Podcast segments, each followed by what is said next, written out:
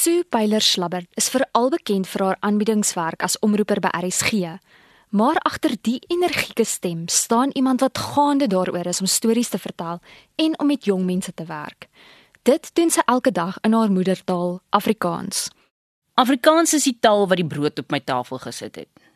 Dit was nie Engels nie, dit was nie die isiXhosa wat ek geleer het op die universiteit nie. Die Xhosa het my baie gehelp met uh, uitsprake in die nuusbulletins, ja. Maar Afrikaans was die taal en is nog steeds die taal wat ek die maklikste praat. Ek hoef nie te dink oor woorde nie. Ek hoef nie noodwendig te gaan in en af iets Google om uit te vind wat presies hierdie woord is nie. Dis lekker om nuwe woorde te gaan opsoek, 'n nuwe woorde te ontdek en 'n deel te maak van jou woordeskat. Waar met Engels het ek nou die dag eers geleer hoe om die woord subsequent regtig waar te gebruik. met Afrikaans kom dit so natuurlik. En ek kan nie myself indink en sien dat ek enigsins noodwendig in 'n ander taal 100% sou werk wat vir my die brood op die tafel sou bring nie. Dis hoekom ek met 'n Afrikaanse man ook getrou het want dit is net baie makliker om te kommunikeer. Ek het al verhoudings gehad in Engels en dan sê ek net vir daai persoon, "Man, you know what I mean." man, weet hy nog steeds nie, omdat ek nie by die woorde kan uitkom nie. So die rol wat Afrikaans in my lewe speel is dis die taal waarmee ek wakker word en dis die taal waarmee ek gaan slaap. Ja, by die SAK daar waar ek rondloop in die gange, moet jy so af en toe Engels praat want dit is net op die eerste vloer wat ons Afrikaans praat en dit bied vir my die verligting want dan hoef ek nie my tong op 'n ander manier te plaas in my mond as aktrise nie want enige ander taal moet jy juis jou tong anders posisioneer op 'n ander plek plaas die klemme is anders die uitsprake is anders maar met Afrikaans hoef ek nie te dink nie Dit is veral Noord-Kaapse aksente wat so besonder na aan die hart lê. Die Afrikaanse Taalraad het haar in 2017 met 'n kokertoekenning vereer vir haar werk as radioomroeper en haar positiewe bewusmaking van die veelkantige aard van Afrikaans. Sue koester steeds die mense en variëteite van die Noord-Kaap. En as jy nou vir my vra waar ek in die land sou kon bly, sou dit wees iewers in die Noord-Kaap. Dit is vir my nommer 1 sout van die aarde mense. Dis mense sonder eers dis mense wat net mens is. Hulle gee nie om wat jy van hulle dink nie. En hulle gee ook nie om hoe hulle klink nie. Solank jy verstaan wat hulle sê en solank jy hulle taal en hulle aksent waardeer. So Christa Noord-Kaapse Afrikaans dink ek moet soveel meer belig word en uitgesonder word en aandag aan geskenk word en liefgehê word, omarm word. Want het jy al gehoor net in die Noord-Kaap alleen hoeveel verskeie aksente en variëteite daar is van Afrikaans? Dis ons grootste provinsie in Suid-Afrika. Die Kaapse Afrikaans kry genoeg erkenning en 'n platform. Hier verwys ek onder andere na, jy kan sien ek het drama studeer. Adam Small wat destyds al met sy poësie vir Kaapse Afrikaanse platform geskep het. Hy's maar een van die mense wat ek nou uitlig. En partykeer wanneer ek beoordeel en kyk hoe die kinders sywerke voordra deur te sê die Here het geskommel in die duis het geval. Net om daai dialek te hoor en te weet dat hy al lankal gevestig is as gevolg van iemand soos hy is vir my 'n riem onder die hart. Maar nou vra ek vir jou, maar nou waar is die werke wat kinders kan voordra, wat kinders kan lees wat in 'n Noord-Kaapse, Namakwalandse aksent is.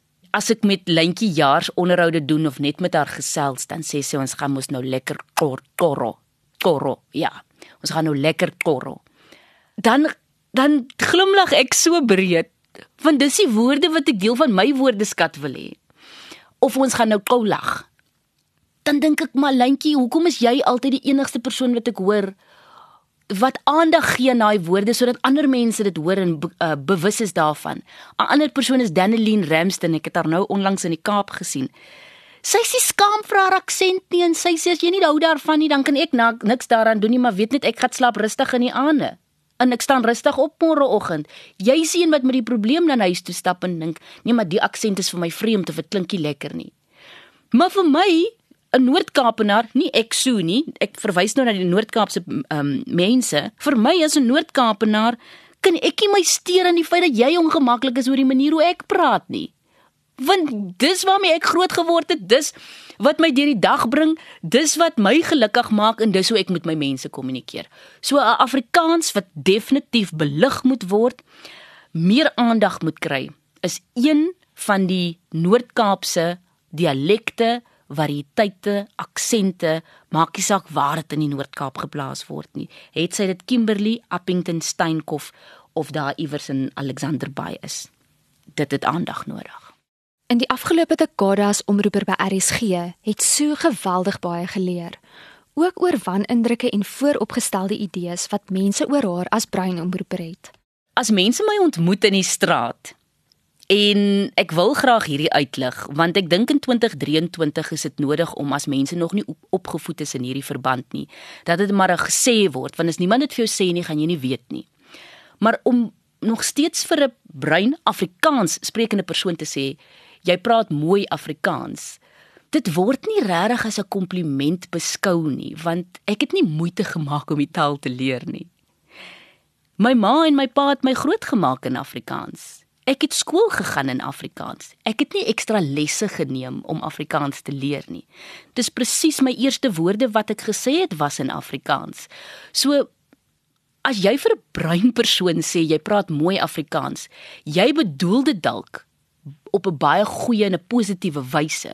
Maar dan moet jy terselfdertyd onthou as daai persoon, 'n bruin persoon vir jou as 'n wit persoon sê, jy praat mooi Afrikaans, gaan jy nie voel maar dis 'n vreemde kompliment of 'n vreemde aanmerking wat hierdie persoon vir my gee nie, want wat is ek dan anders as Afrikaans? So as mense my ontmoet, is dit gewoonlik die heel eerste ding wat hulle vir my sê is jy praat so mooi Afrikaans. Nou oor die jare het ek geleer om te sluk en dit te aanvaar en te sê, "Oké, okay, goed, baie dankie." Want ek vat dit maar in die positiewe lig wat hulle dit probeer sê. Maar vandag, waar jy weet my werk is 100% in Afrikaans en dit was nog nooit in enige ander taal nie. Sê ek dan vir jou, "Maar wat anders het jy verwag?" En dan is mense stom geslaan, dan weet hulle nie wat om terug te sê nie.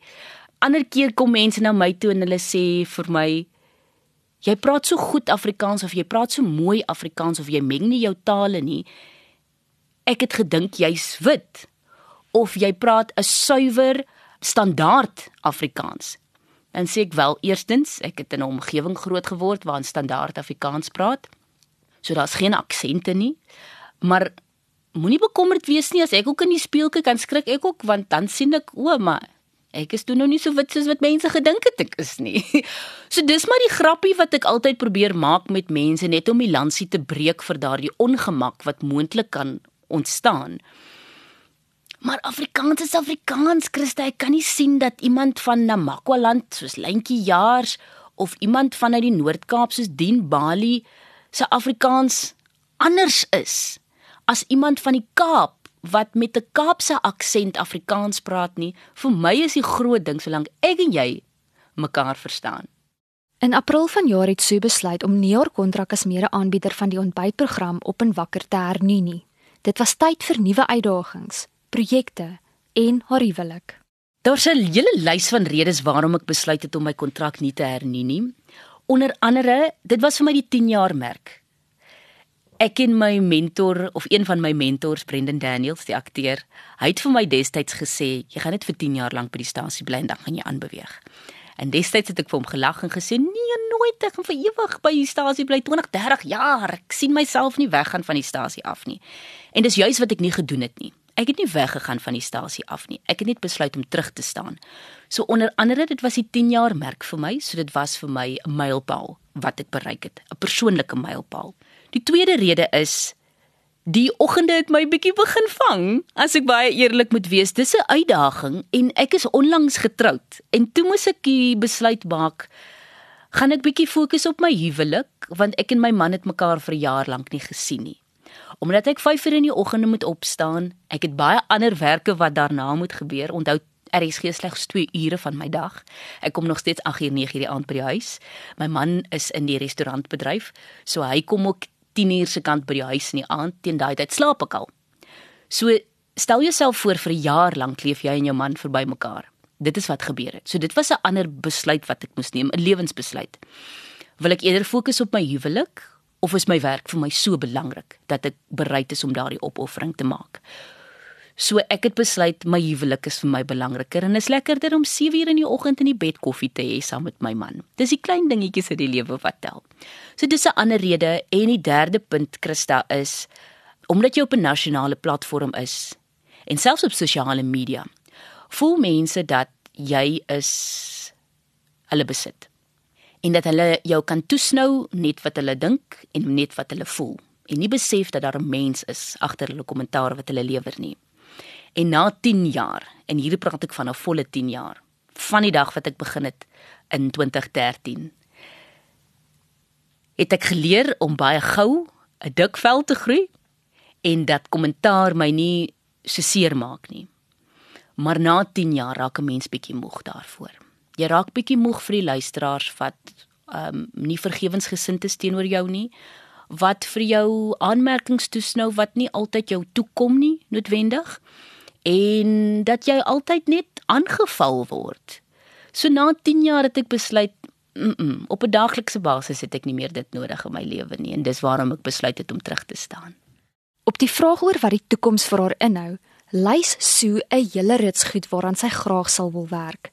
Dit is vir al die geleenthede waar sy 'n verskil in jong mense se lewens kan maak wat haar opgewonde en gelukkig maak. Ek sien vreeslik uit daarna om my merk te maak soos wat ek my merk gemaak het die afgelope 10 jaar agter die mikrofoon, agter die skerms.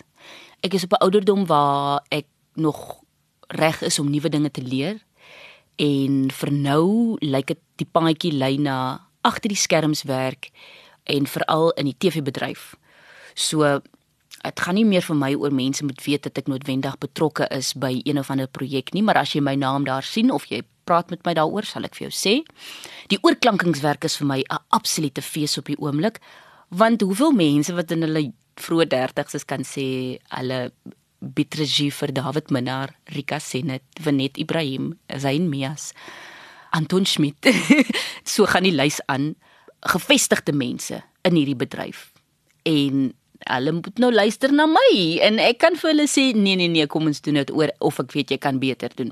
So dit is dit is vir my 'n absolute paadjie wat ek tans geniet en die tog is vir my soms opdraand, maar is 'n baie lekker tog wat ek aangepak het. Ek doen dit nou vir so 2 jaar lank en oor die beoordeling.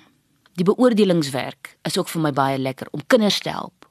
Want as ons jeug nie sien wat vir hulle kan voorlê en dat jy nie altyd die gesig of die stem van iets hoef te wees nie. Dat jy as beligting klank teksskrywer regisseur nodig is vir 'n produksie om voort te gaan en dat die die mag en die krag en die sê eintlik in jou hande is wat agter die skerms is.